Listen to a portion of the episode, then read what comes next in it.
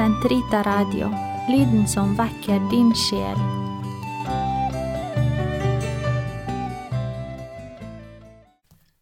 Vi er nå kommet til annet kapittel i annen del og annet avsnitt av kompendiet om sakramentene, og vi er kommet altså til helbredelsens sakramenter og sakramentene til tjeneste for fellesskapet og sendelsen.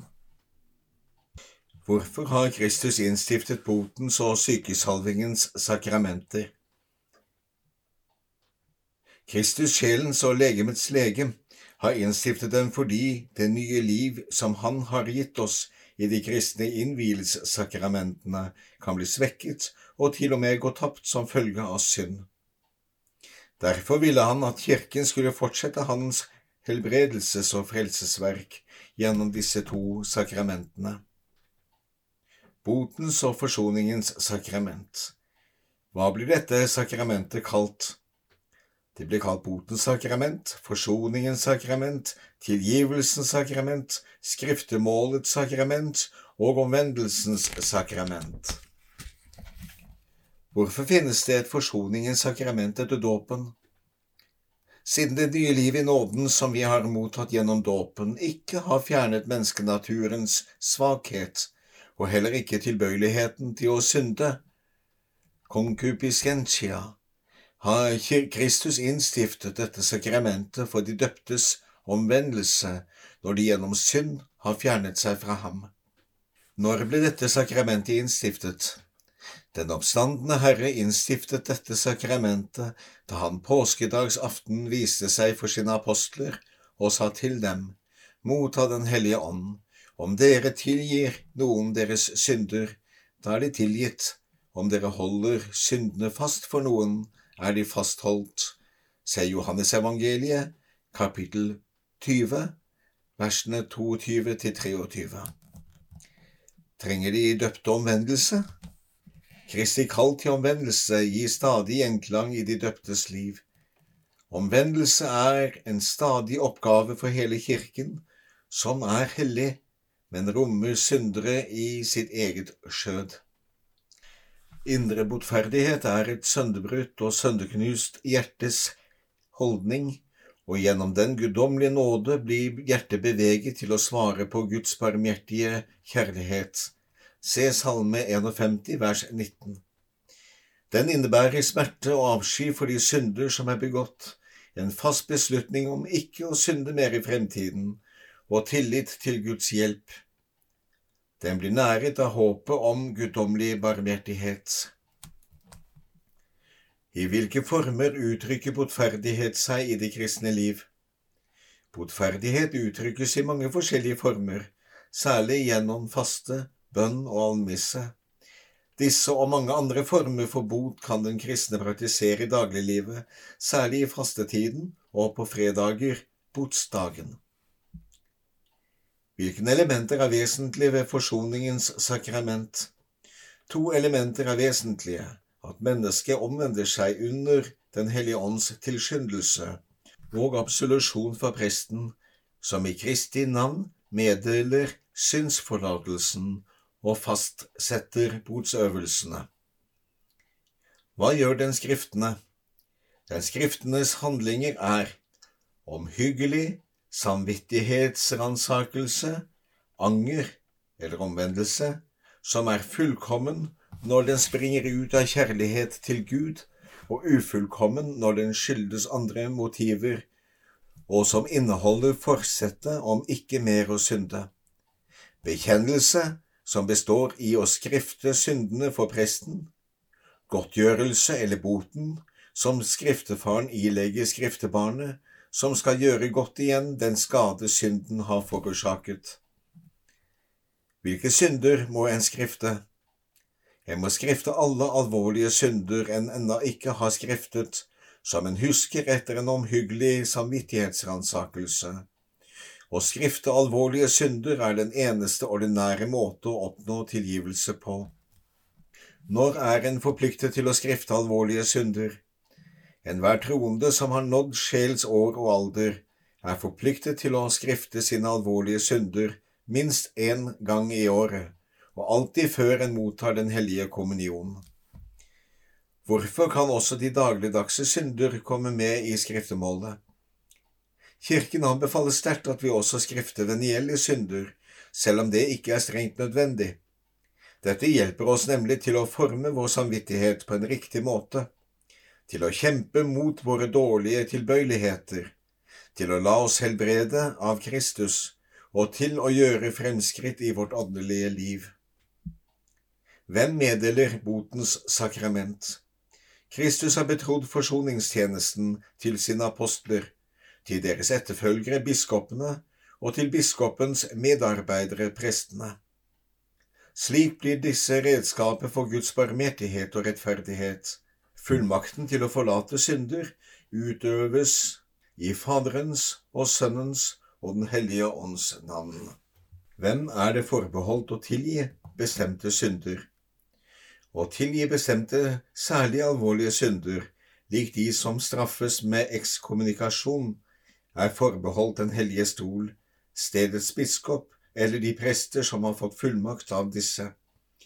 Ved livsfare kan imidlertid enhver prest avløse fra enhver synd og fra enhver ekskommunikasjon. Er skriftefaren bundet av skriftemålets hemmelighet?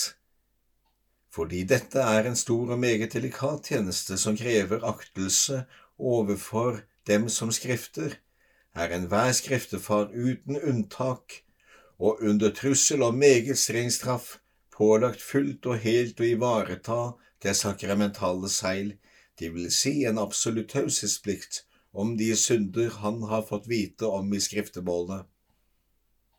Hvilke virkninger har dette sakramentet?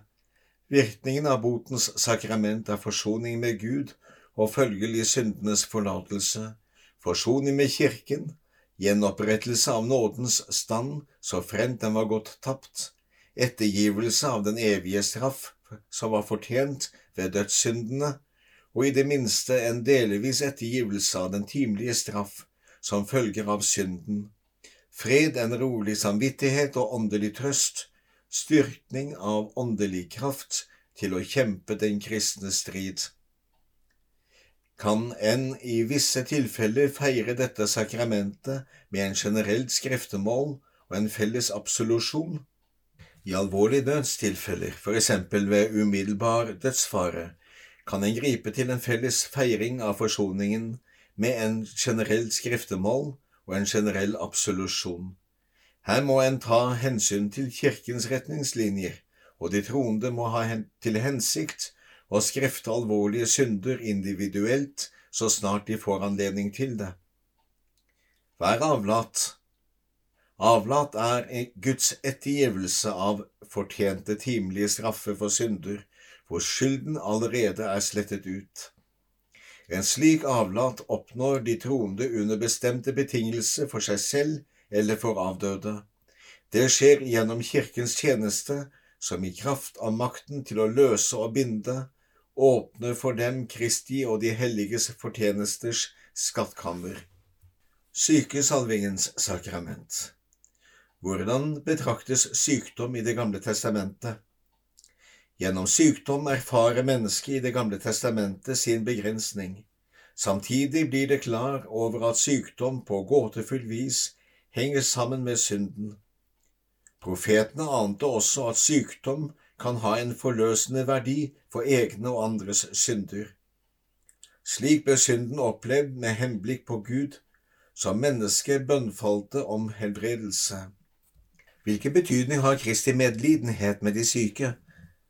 Kristi medlidenhet med de syke og hans tallrike helbredelser av svake er sikre tegn på at Guds rike kom med ham, og dermed seier over synd, lidelse og død. Ved sin egen lidelse og død gir han vår lidelse en ny mening. Forent med hans lidelse kan den bli til et middel til renselse og frelse for oss og for andre. Hvordan forholder Kirken seg overfor de syke? Kirken, som Herren har pålagt å helbrede de syke, anstrenger seg for å pleie dem og ledsage dem med sine forbønner. Fremfor alt har den et særlig sakrament for de syke, som Kristus har innstiftet, som er bekreftet av den hellige Jakob. Og er der no en som er syk, må han kalle til seg kirkens presbytere. De skal be over ham og salve ham med olje i Herrens navn.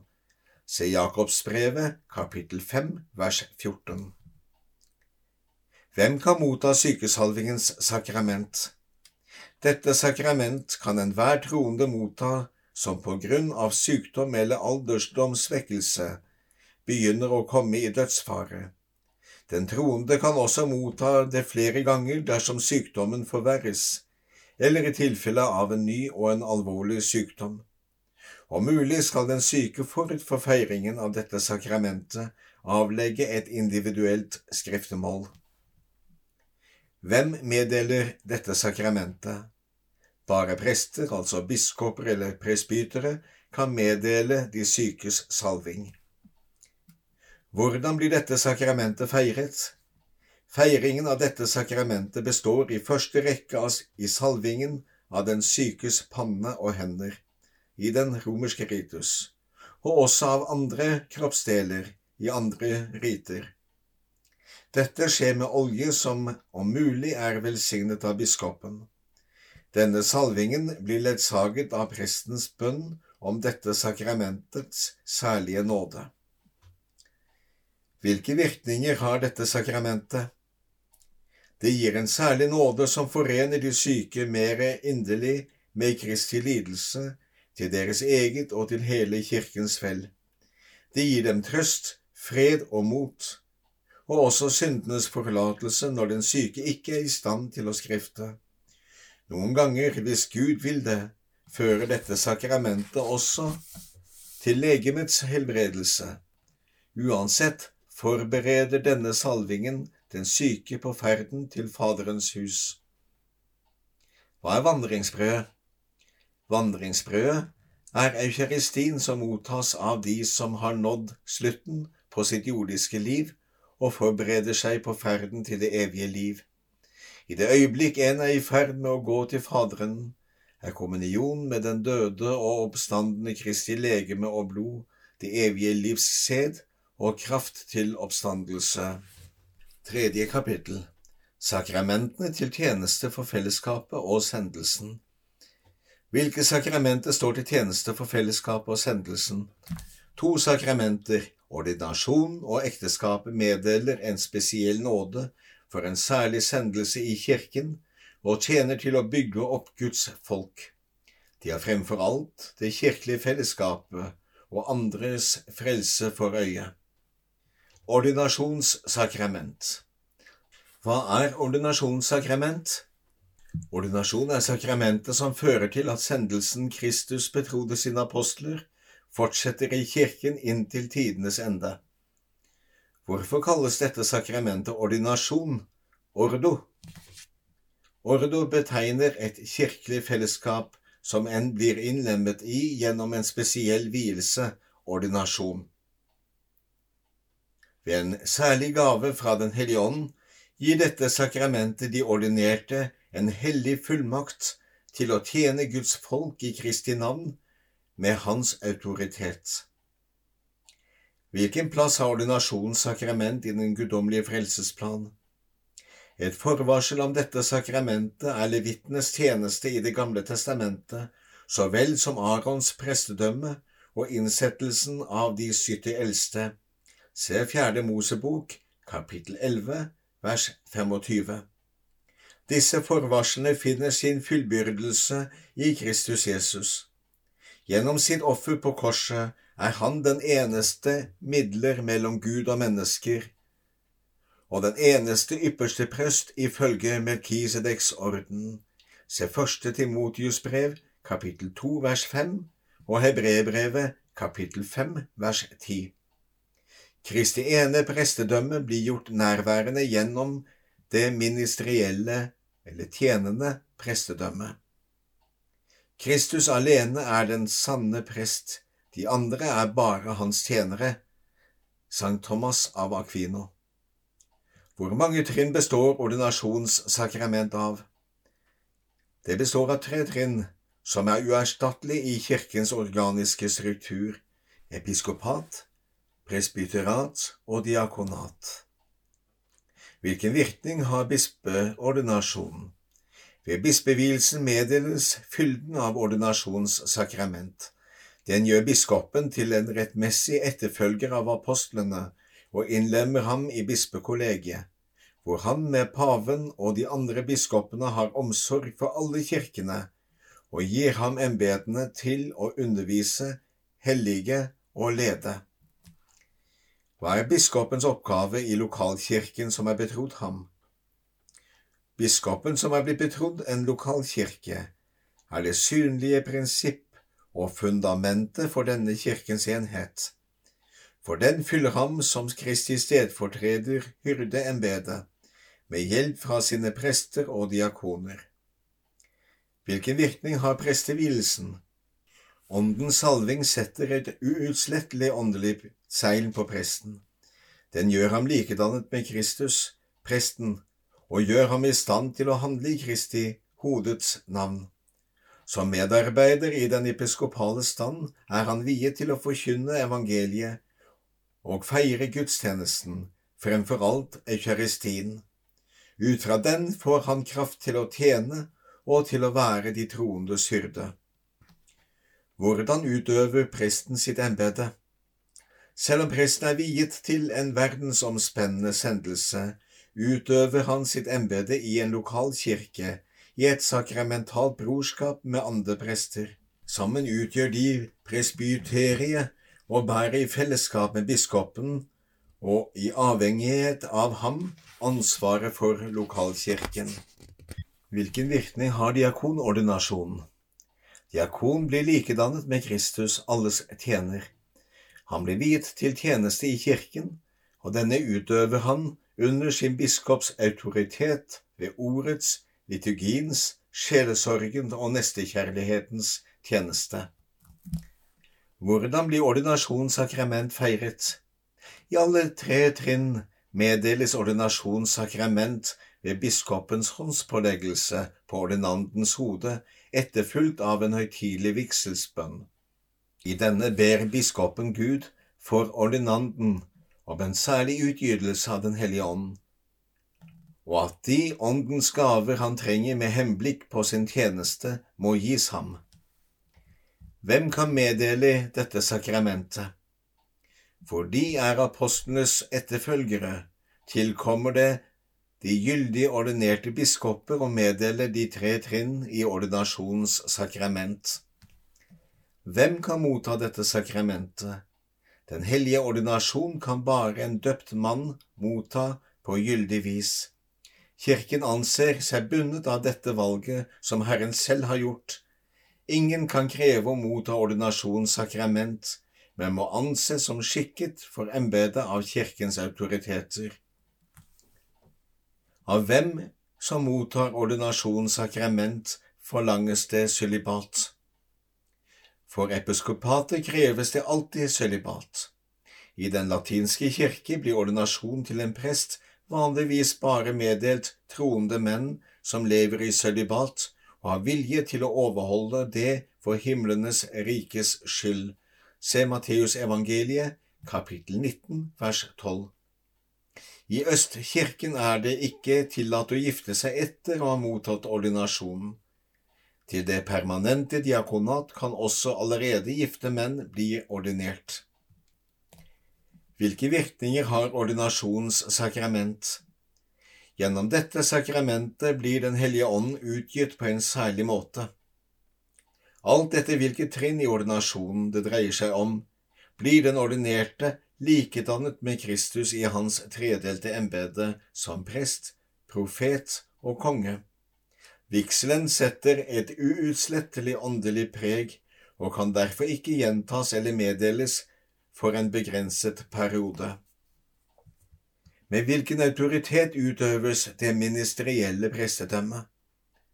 Under utøvelsen av sitt hellige tjenesteembete taler og handler den ordinerte prest ikke ut fra sin egen autoritet, og ikke engang på grunnlag av et oppdrag eller en delegering fra fellesskapet, men i Kristi, hodets person og i Kirkens navn. Derfor skiller det ministerielle prestedømmet seg i vesen, og ikke bare i grad, fra de troendes allmenne prestedømme, som det er innstiftet av Kristus for å tjene. Ekteskapets sakrament Hvilken plan har Gud for mann og kvinne? Gud som er kjærlighet, har skapt menneskene for kjærlighet og kalt dem til kjærlighet. Han skapte dem som mann og kvinne, og i ekteskapet har han kalt dem til et intimt livsfellesskap og til gjensidig kjærlighet, slik at de ikke lenger er to, men ett legeme. Se Matteusevangeliet kapittel 19 vers 6. Gud velsignet dem og sa til dem, Vær fruktbare og bli mange. Se Første Mosebok kapittel 1 vers 28. Hva er Guds formål med ekteskapet? Den ekteskapelige forening av mann og kvinne, som ble grunnlagt av Skaperen og utstyrt med særegne lover, har ut fra sin natur ektefellenes samliv og vel som mål, samt at de skal få barn og oppdra dem.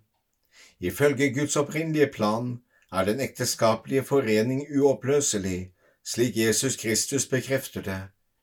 Det som Gud da har sammenføyd, det har mennesket ikke lov til å atskille. Se Markusevangeliet, kapittel 10, vers 9. På hvilken måte truer synden ekteskapet?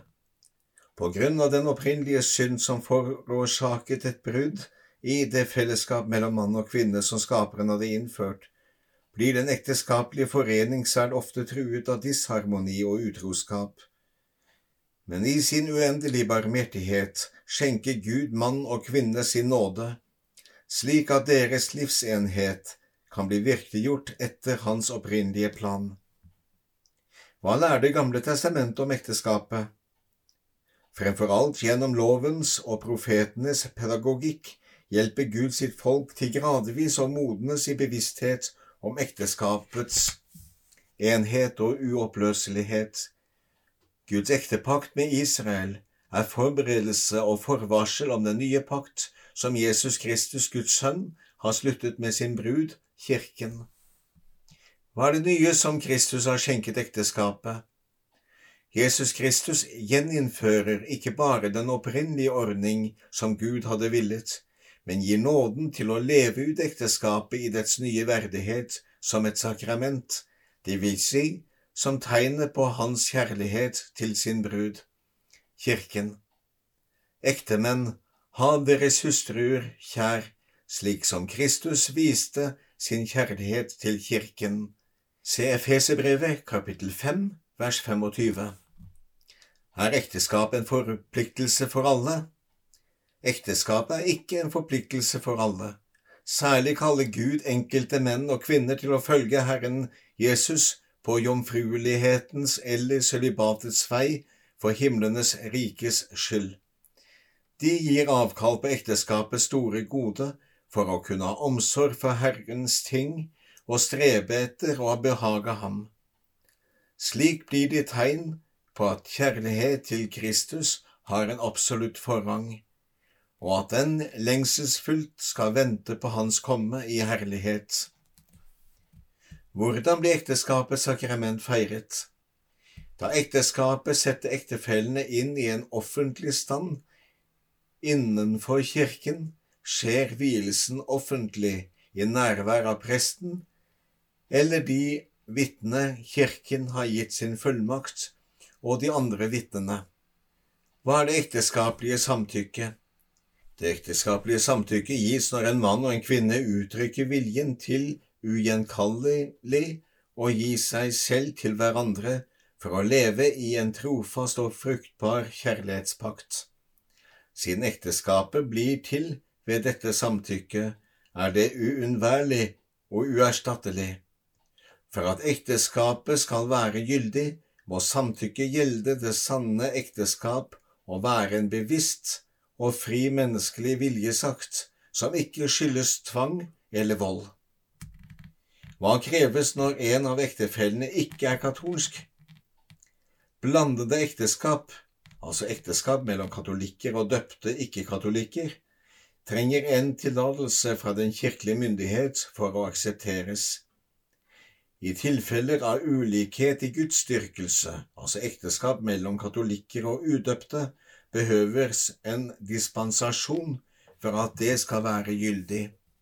I ethvert tilfelle er det av grunnleggende betydning at ektefellene ikke utelukker å godta ekteskapets vesentlige formål og egenskaper. Den katolske part må bekrefte sin vilje til å bevare troen og til å sikre at barna blir døpt og oppdratt katolsk. Disse forpliktelsene må også gjøres kjent for den annen part. Hvilke virkninger har ekteskapets sakrament? Ekteskapets sakrament skaper en vedvarende og enestående bånd mellom ektefellene. Gud selv beseiler brudefolkenes samtykke. Derfor kan et ekteskap som er sluttet og fullbyrdet mellom døpte, aldri oppløses. Dessuten gir dette sakramentet brudefolkene den nødvendige nåde til å oppnå hellighet i det ekteskapelige liv og til å motta og oppdra barna på en ansvarlig måte. Hvilke synder står i alvorlig motsetning til ekteskapets sakrament? Slike synder er utroskap, polygami eller flergifte, som står i motsetning til likeverdet mellom mann og kvinne, så vel som til den utelukkende enhet i det ekteskapelige kjærlighet, avvisning av fruktbarhet og mottagelse av barn som gave i det ekteskapelige liv, skilsmisse som står i motsetning til ekteskapets uoppløselighet. Når tillater Kirken at ektefellers samliv opphører? Kirken tillater fysisk separasjon av ektefeller når deres samliv av tungtveiende grunner har blitt praktisk umulig, selv om den ønsker at de forsoner seg. Så lenge partneren lever, er de ikke fri til å inngå et nytt ekteskap, med mindre deres ekteskap er ugyldig, og dette er erklært av kirkelig autoritet. Hvilken holdning har Kirken til skilte som har giftet seg på nytt? Av trofasthet mot Herren kan Kirken ikke anerkjenne som ekteskap foreningen mellom sivilrettslig skilte. En mann som skiller seg fra sin hustru og gifter seg med en annen, begår ekteskapsbrudd overfor den første. Og det samme gjelder en kvinne. Skiller hun seg fra sin mann og gifter seg med en annen, er det også ekteskapsbrudd. Se Markus evangeliet, kapittel 10, vers 11 og 12. Disse menneskene vies oppmerksomhet og omsorg fra kirkens side. Den innbør dem til et liv ut fra troen, til bønn, til barmhjertighetsgjerninger og til kristen oppdragelse av barna. Men de kan ikke motta sakramental absolusjon, ikke gå til Den hellige kommunion og ikke utføre visse kirkelige oppgaver så lenge en slik situasjon som objektivt står i motsetning til Guds lov, vedvarer. Hvorfor blir den kristne familie også kalt huskirke? Fordi familien uttrykker og virkeliggjør kirkens sosiale og familiære natur som Guds familie. Alle medlemmer av familien utøver der i overensstemmelse med sin egen rolle det prestedømmet de fikk gjennom dåpen, slik bidrar de til at familien blir et nåde- og bønnefellesskap, en skole for menneskelig og kristne dyder og et sted for den første trosforkynnelse for barna. Fjerde kapittel Andre liturgiske feiringer De såkalte sakramentaliene Hva er sakramentaliene? Sakramentaliene er hellige tegn innstiftet av Kirken i den hensikt å hellige ulike situasjoner i livet. De inneholder en bønn som blir ledsaget av korstegn og andre tegn. Blant sakramentaliene inntar velsignelsene en viktig plass. De er lovprisninger av Gud og bønner om Hans gaver, og kan så vel være velsignelse av personer som velsignelse av gjenstander til gudstjenesten. Hva er en eksorsisme? Når Kirken med sin autoritet i Jesu navn ber om at en person eller en gjenstand må bli beskyttet for eller unndratt fra innflytelsen fra det onde og dets herredømme, kalles det en eksorsisme. I sin ordinære form praktiseres den i dåpsritualet. Den høytidelige såkalte store eksorsisme kan bare utføres av en prest som har fått fullmakt til det fra sin biskop. Hvilke former for folkelig fromhet ledsager Kirkens sakramentale liv? Det kristne folks religiøse sans har alltid funnet forskjellige uttrykksformer innenfor de ulike fromhetstradisjoner som ledsager Kirkens sakramentale liv. Til dem hører for eksempel æring av relikvier, besøk i helligdommer, valfarter, prosesjoner, korsveisandakter og rosenkransen. Ved troens lys opplyser og fremmer Kirken autentiske former for folkelig fromhet. Den kristne begravelse Hva er forholdet mellom sakramentene og den kristnes død? Den kristne som dør i Kristus, når ved slutten av sin jordiske tilværelse frem til fullendelsen av det nye liv som begynte ved dåpen ble styrket gjennom fermingen og ble næret gjennom eukaristien, foregripelsen av det himmelske måltid. Betydningen av den kristnes død vises i lyset av Kristi død og oppstandelse, Han som er vårt eneste håp. Den kristne som dør i Kristus Jesus, vil flytte bort fra legemet og komme hjem til Herren. Se 2. Korinterbrev, kapittel 5, vers 8. Hva uttrykker gravferdsritene? Begravelser som feires etter ulike gravferdsriter, i samsvar med forskjellige områders forhold og tradisjoner, uttrykker den kristne døds påskepreg i håpet om oppstandelsen. De uttrykker også betydningen av fellesskapet med den avdøde, særlig gjennom bønnen om sjelens renselse. Hvilke er begravelsens hovedmomenter? Vanligvis omfatter begravelsen fire hovedmomenter. Fellesskapet mottar den avdødes legeme med ord til trøst og håp, ordets liturgi, det eukaristiske offer og kirkens farvel, hvor den avdøde sjel betros Gud som er kilden til det evige liv, mens legemet begraves i påvente av oppstandelsen.